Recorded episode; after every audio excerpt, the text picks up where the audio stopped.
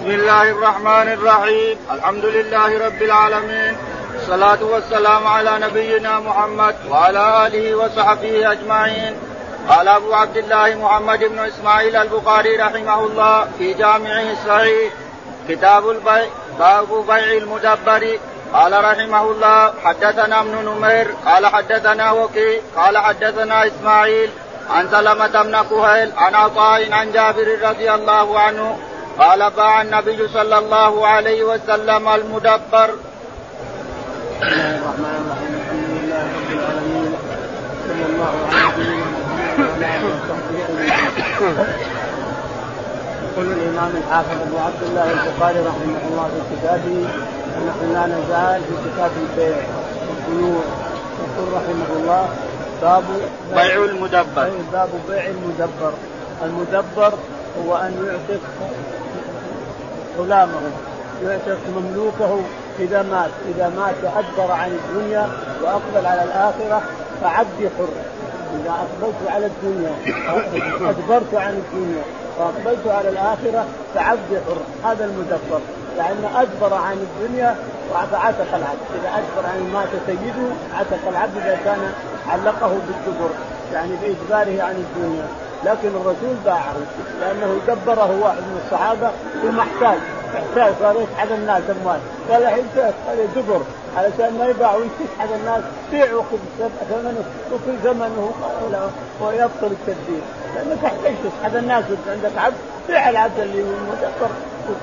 يقول البخاري رحمه الله حدثنا محمد بن عبد الله بن نمير. من عبد الله محمد. محمد بن عبد الله بن نمير. قال حدثنا وكيع بن الجراح. وكيع بن الجراح. قال عن إسماعيل بن أبي خالد. عن إسماعيل بن أبي خالد. قال عن سلمة بن كهيل. عن سلمة بن كهيل. قال عن عطاء بن أبي رباح. عن عطاء بن أبي رباح. قال عن جابر رضي الله عنه قال باع النبي صلى الله عليه وسلم المدبر. يقول جابر رضي الله تعالى عنه إن النبي عليه الصلاة والسلام رأى رجلا من الصحابة دبر غلامه والمدبر ما يباع خلاص. إذا ما اعتقه إذا مات قال حر. ما يباع المدبر. لكن الرسول باعه لما رآه محتاج وأنه افتقر فباعه عليه الصلاة من يشتري من يشتري؟ قال واحد ب 600 قال نعيمان ب 800 قال نصيبك اتى 800 اخذ 800 اعطاها الراجل صاحب العبد صار العبد نعيمان معنى هذا إن الإنسان يدبر أحد واحتاج فإنه يبطل التدبير يبيعه قال رحمه الله حدثنا قتيبة بن سعيد قال حدثنا سفيان عن عمرو سمع عن عمرو سمع جابر بن عبد الله رضي الله عنهما يقول باعه رسول الله صلى الله عليه وسلم. يقول البخاري رحمه الله حدثنا قتيبة. قتيبة بن سعيد قال حدثنا سفيان الثوري. سفيان الثوري قال عن عمرو.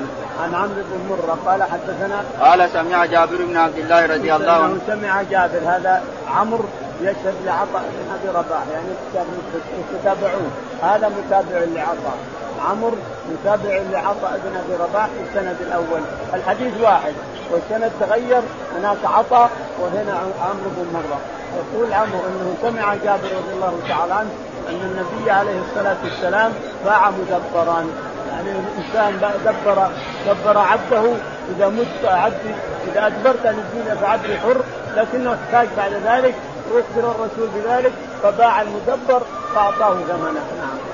قال رحمه الله حدثنا زهير بن حرب قال حدثنا يعقوب قال حدثني أبي عن صالح قال حدثنا ابن شهاب ان عبيد الله أخبره أن زيد بن خالد وأبا هريرة رضي الله عنهما أخبراه أنهما سمعا رسول الله صلى الله عليه وسلم يسأل عن الأمة تزني ولم تحسن قال اجلدوها ثم إن زنت فاجلدوها ثم بيعوها بعد الثالثة أو الرابعة.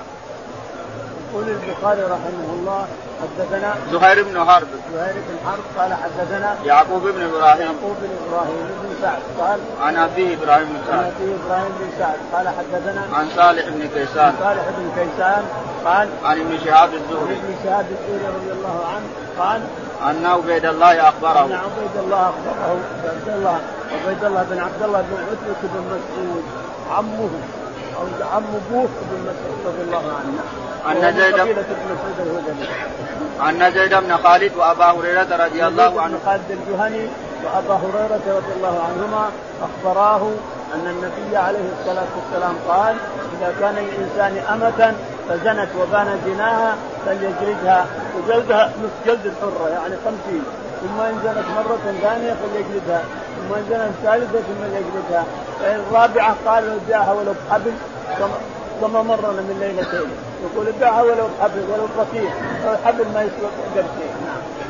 قال رحمه الله حدثنا عبد العزيز بن عبد الله قال حدثنا قال أخبرني الليث عن سعيد عن أبي عن أبي هريرة رضي الله عنه قال قال سمعت النبي صلى الله عليه وسلم يقول إذا زنت أمة أحدكم فتبين زناها فليجلدها فليجلد فليجلدها الحد ولا يثرب عليها ثم إن زنت فليجلدها فليجلدها الحد ولا يثرب ثم إن زنت الثالثة فتبين زناها فليبعها ولو حبل ولو بحبل من شعر. يقول البخاري رحمه الله مكررا ما سبق. حدثنا عبد العزيز بن عبد الله. عبد العزيز بن عبد الله قال حدثنا الليث بن سعد. الليث بن سعد قال حدثنا عن سعيد بن أبي سعيد المقبري سعيد بن أبي عروبة قال عن سعيد بن أبي سعيد المقبري عن سعيد بن أبي سعيد المقبري قال عن أبيه. عن أبيه سعيد المقبري قال عن أبي هريرة رضي الله عنه عن أبي هريرة رضي الله تعالى عنه أن النبي عليه الصلاة والسلام قال إذا زنت الأمة أمة أحدكم فليجلدها الحد يعني خمسين بالصوت خمسين عصا فإن زنت ثانية فليجلدها والثالثة يجلدها والرابعة يبيعها ولو بحبل ولو بصير ولو بحبل ما يسوى له تمثيل ولا يسربها. ولا يسرب عليها يعني الضرب لا يسرب لا يجرح.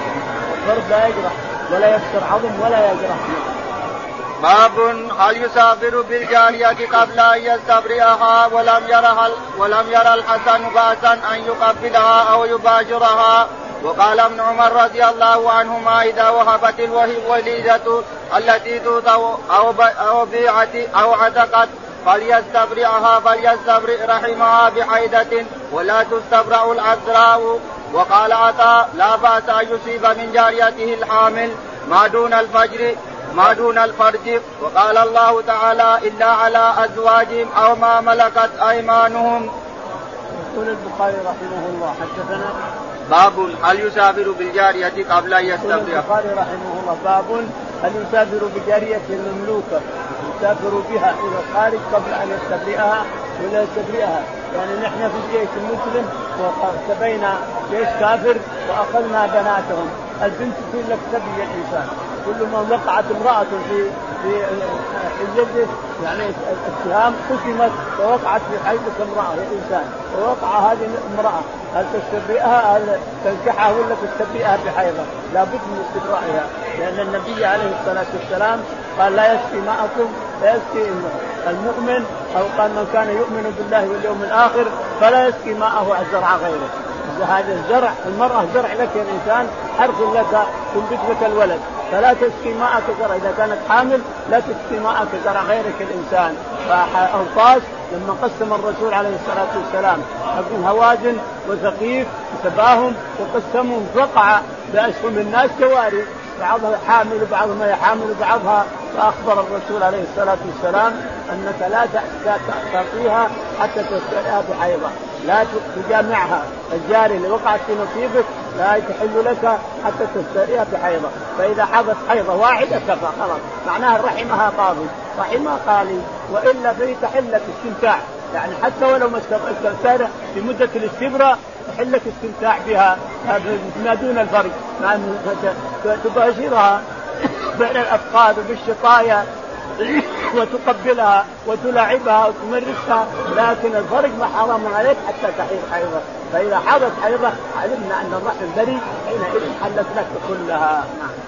قال رحمه الله حدثنا عبد الغفار بن داود قال حدثنا يعقوب بن عبد الرحمن عن عمرو بن أبي عمرو عن أنس بن مالك رضي الله عنه قال قدم النبي صلى الله عليه وسلم خيبر فلما فتح الله عليه الحسن ذكر له جمال صفية بنت حيي بن أخطب وقد قتل زوجها وكانت عروسا فاصطفاها رسول الله صلى الله عليه وسلم لنفسه فخرج بها حتى بلغنا سد الروحاء حلت فبنى بها.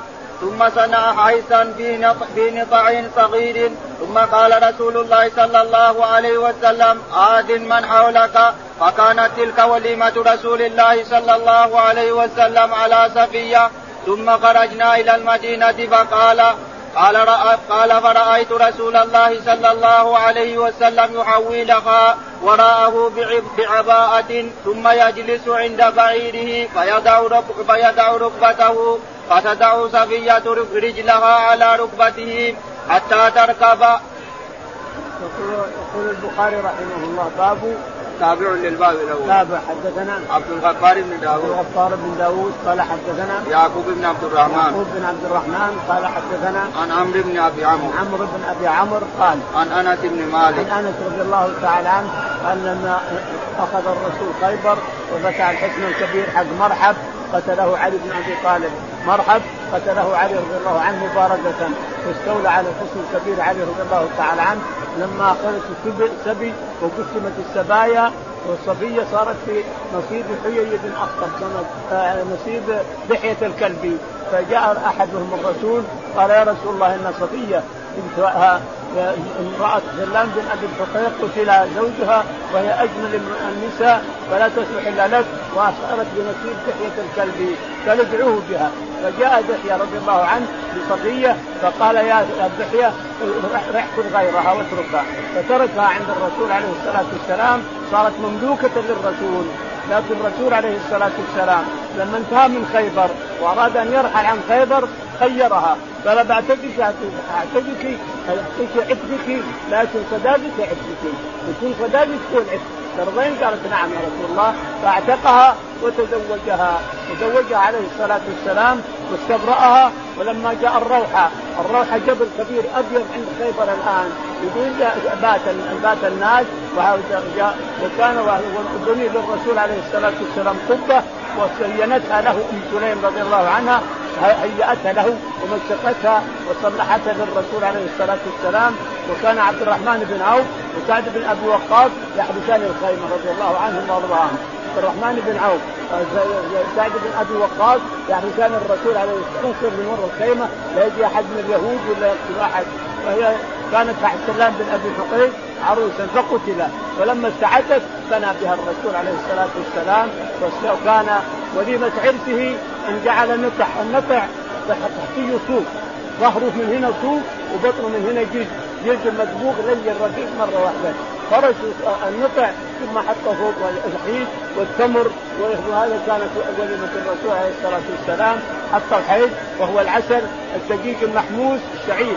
المحموس مطحون ثم ملتوت بالموز وعسل وسمن بري ثم حطوا عليه تمر وحطوا كل جاء من أزواجهم جاءوا بها حطوها فوق النطع وأكل الناس وليمة الرسول عليه الصلاة والسلام. عاد قال الصحابة رضي الله عنهم هل هي أم ولد؟ يعني تصير مملوكة له أم أنها من أمهات المؤمنين؟ أن تكون من أمهات المؤمنين؟ انظروا ماذا يفعل. لما قام عليه الصلاة والسلام واعتقها تزوجها فجعل عليه الصلاة والسلام لها حواية وراء الجنازة الإشداد وجعلها حواية كذا. حواية كذا تركب عليه. ثم قعد عليه الصلاة والسلام وحطت رجلها فوق فخذه فوق ركبته حتى ركبت على رجوف الناقة ناقته القصوى عليه الصلاة والسلام. انظر التواضع. يضع رجله لامرأة زوجته تحط رجلها رجلها على فخذه ثم تركب على الناقة القصوى وراءه ثم جعل شركة من ورائها. فعلم الناس أنها من أمهات المؤمنين. ما دام حجب جسمها من أمهات المؤمنين أمر رب العالمين تعالى وتقدس أن يحتجبن حتى أجسادها. حتى جسم أم المؤمنين ما تراه الإنسان. حرام تراه لأنه نزلت آية زينب لما عرس الرسول بزينب نزلت آية الحجاب. نعم. باب بيع الميتة والأصنام. قال رحمه الله حدثنا قتيبة قال حدثنا الليث عن يزيد بن أبي حبيب عن عطاء بن أبي رباح عن جابر بن عبد الله رضي الله عنهما أنه سمع رسول الله صلى الله عليه وسلم يقول يقول عام الفتح وهو بمكة إن الله ورسوله حرم بيع الخمر والميتة والخنزير والأصنام. فقيل يا رسول الله أرأيت شحوم الميتة فإنها يطلى بها السفن ويدهن بها الجلود ويستبيح بها الناس؟ فقال لا فقال لا هو حرام. ثم قال رسول الله صلى الله عليه وسلم عند ذلك قاتل الله اليهود إن الله لما حرم شحومهما جملوه ثم باعوه فأكلوا ثمنه. قال أبو عاصم حدثنا عبد الحميد قال حدثنا يزيد كتب إلي عطاء سمعت جابرا رضي الله عنه عن النبي صلى الله عليه وسلم. يقول البخاري رحمه الله حدثنا باب بيع الميتة والأصنام. باب بيع الميتة والأصنام أنه حرام ولا يجوز. لا يجوز بيع الميتة لأنها نجسة في جميع أوصالها. ولا الأصنام ما تباع ولا الأزلام ولا الرجس ولا الودك الذي من ميتة. الميتة حرام حتى الودك حقها لا يجوز. يقول البخاري رحمه الله حدثنا قتيبة. قتيبة. قال حدثنا الليث بن سعد. الليث بن سعد. قال حدثنا يزيد بن أبي حبيب. يزيد بن أبي حبيب. حبيب.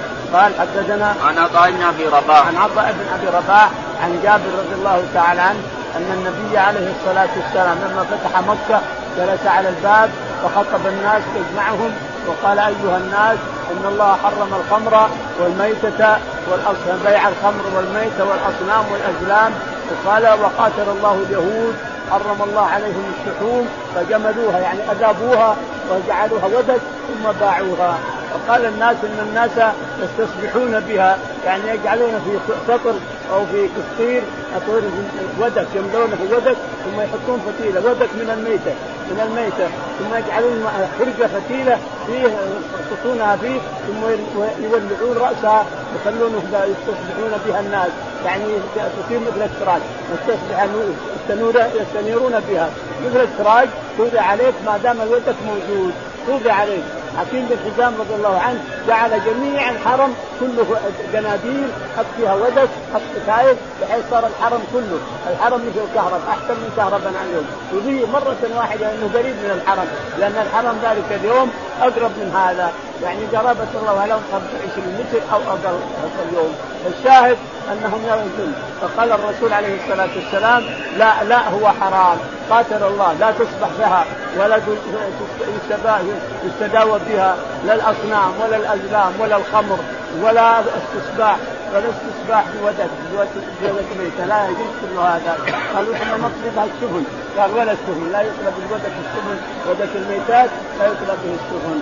الشاهد أن الرسول عليه الصلاة والسلام حرم جميع ذلك ثم قال قاتل الله اليهود. لعن الله يعني قاتل يعني لعن. لعن الله اليهود لما الله حرم الله تعالى عليهم الشحوم وعلى على الذين هادوا حرمنا كل ذي ظفر.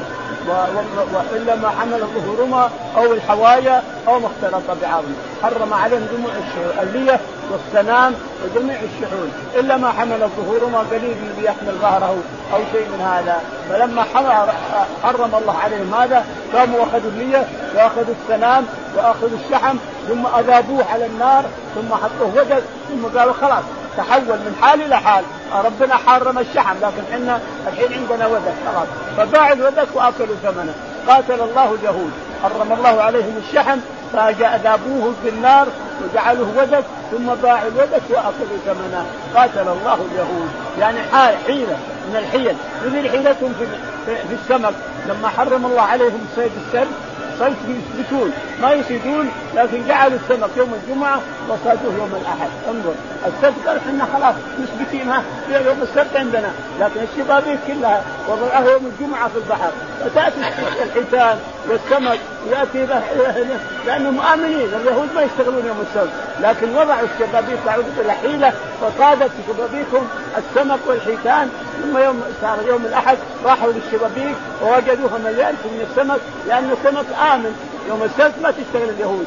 لما فعلوا هذا طلبهم الله تعالى وتقدم قردة وخنازير يجي أبو الإنسان يراه قرد نعوذ بالله والثاني خنزير. تجي أمه تراه خنزير تجي وفاد وهذا أعظم جرم نعوذ بالله أعظم جريمة. ان قذفوا قردة وخنازير لانهم محتالون. اليهود أهل حيل وأهل مكر وأهل خداع ولا يبالون بظلم العباد. يظلمون الناس ولا يبالون. ما يبالي لأنه ما يعرف ربه. قال أبو عاصم حدثنا عبد الحميد. قال حدثنا عبد الحميد. قال قال حدثنا يزيد بن قال حدثنا يزيد بن أبي حبيب. قال قال كتب إلي عطاء سميت جابر رضي الله عنه قال كتب إلي عطاء بن أبي رباح يقول إنه سمع جابر رضي الله عنه. نعم. بمعنى الحديث الأول. بمعنى الحديث الأول أن الرسول لعن اليهود وحرم الخمر والميتة والأصنام والازنام وبيعهما.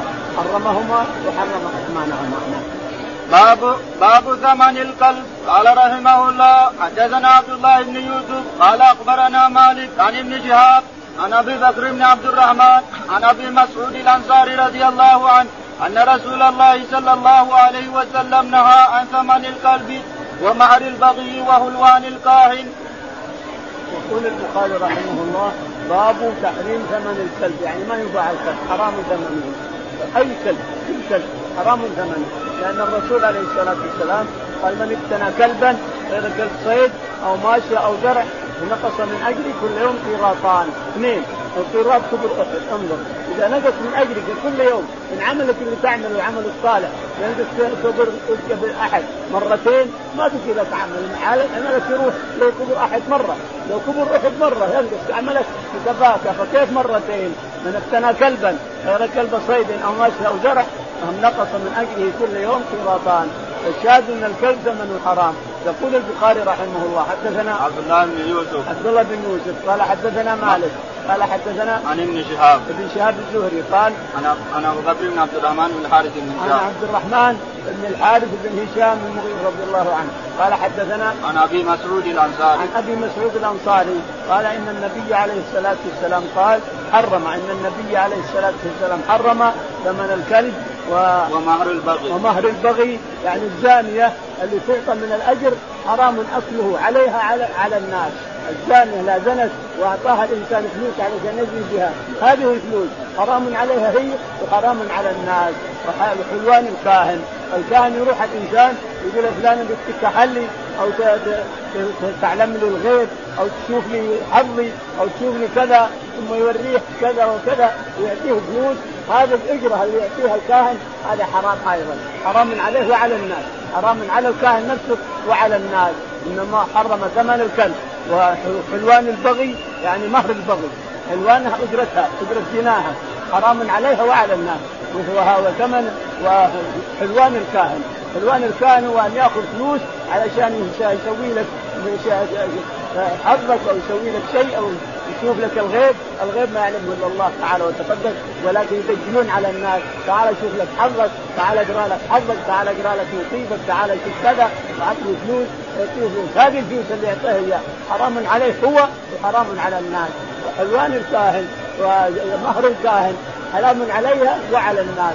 الزانية أجرة زناها حرام عليها هي وعلى الناس. إلى آخره. وثمن الكلب حرام على صاحبه وعلى الناس. إلى آخره. قال رحمه الله حدثنا حجاج بن منهال قال حدثنا جوبة قال أخبرني عون بن أبي جحيفة قال رأيت أبي اشترى حجاما فأمر بمحاجمه فكسرت فسألت عن ذلك قال إن رسول الله صلى الله عليه وسلم نهى عن ثمن الدم وثمن الكلب وكسب الأمة ولعن الواشمة والمستوجمة وآكل الربا وموكله ولعن المصور. يقول البخاري رحمه الله حدثنا حجاج بن منهال. حجاج بن منهال قال حدثنا شعبة. شعبة قال حدثنا عون بن أبي جحيفة. عون بن أبي جحيفة عن أبيه أبو جحيفة وهب بن عبد الله السوائي الصحابي الشهير الشهير رضي الله عنه يقول وهب إن ابو إن أباه اخذ المحاجم اشترى عبدا حجاما. اشترى عبد مملوك حجام وأخذ اوراق اوانيه اللي يحكم فيها وكسرها. الحجام عنده قرن قرن أسود فيه ضيق افمه من هنا ضيق ومن هنا واسع.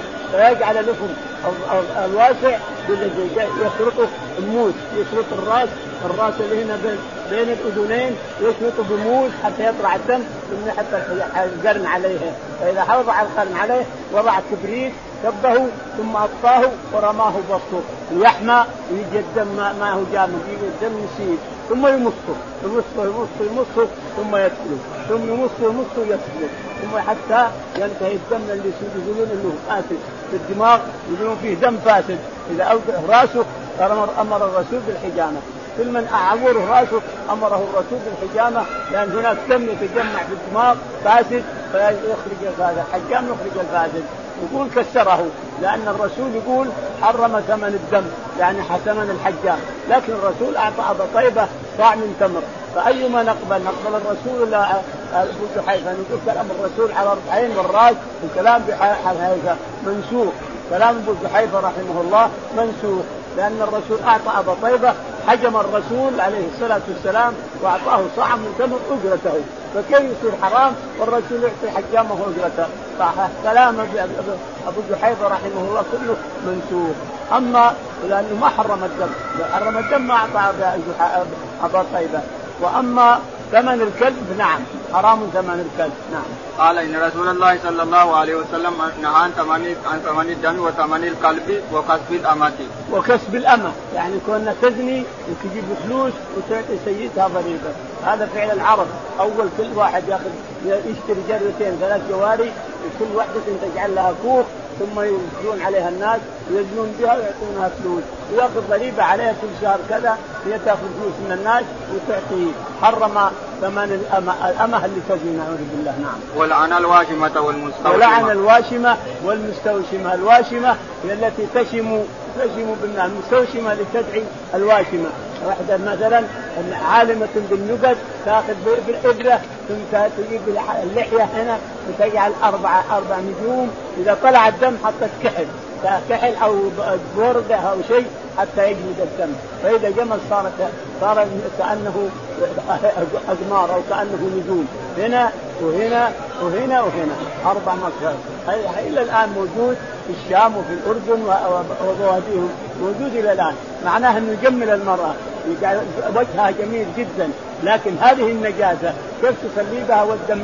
الناشف هنا موجود هنا وموجود هنا وموجود هنا وموجود هنا. كيف تصلي به؟ لأنه دم تبطه بدبوس أو بإبرة. حتى يطلع الدم ثم تحط بودره أو كحل ثم هنا ثم هنا أربع أربع حبات هنا اربعه كأنها نجوم وهنا أربع حبات. يجمل الوجه لا شك في هذا. لكن هذا الدم الجامد هذا يصح أن تصلي فيه ولأنه ما يصل الماء يمنع عنا الماء. فالظاهر أنه لا يصح الصلاة فيه حتى تزيله حتى يسووا عملية فيه ويزال هذا الدم ولا ما يصح؟ لأنه ما يصل الماء. الماء ماء الوضوء ما يصل هذا لأنه دم جامد ونجس بعد. الدم نجس من حيث كان هو.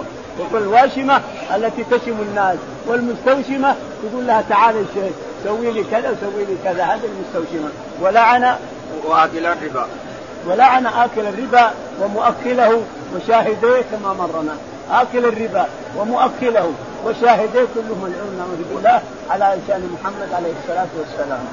ولعن المصور. ولعن المصور أيضا جميع أشكال التصوير ملعون سواء بالقلم أو بالكاميرا أو بشيء آخر أو كله ملعون، ملعون المصور لعن الله المصور، جميع أشكال التصوير ملعون من صور لأنه يضاهي خلق الله، الله خلق من تخلق ما يصير، يضاهي خلق الله، يصور اوادم كل مصور الروح يضاهي خلق الله فهو ملعون وسيعذب في جهنم.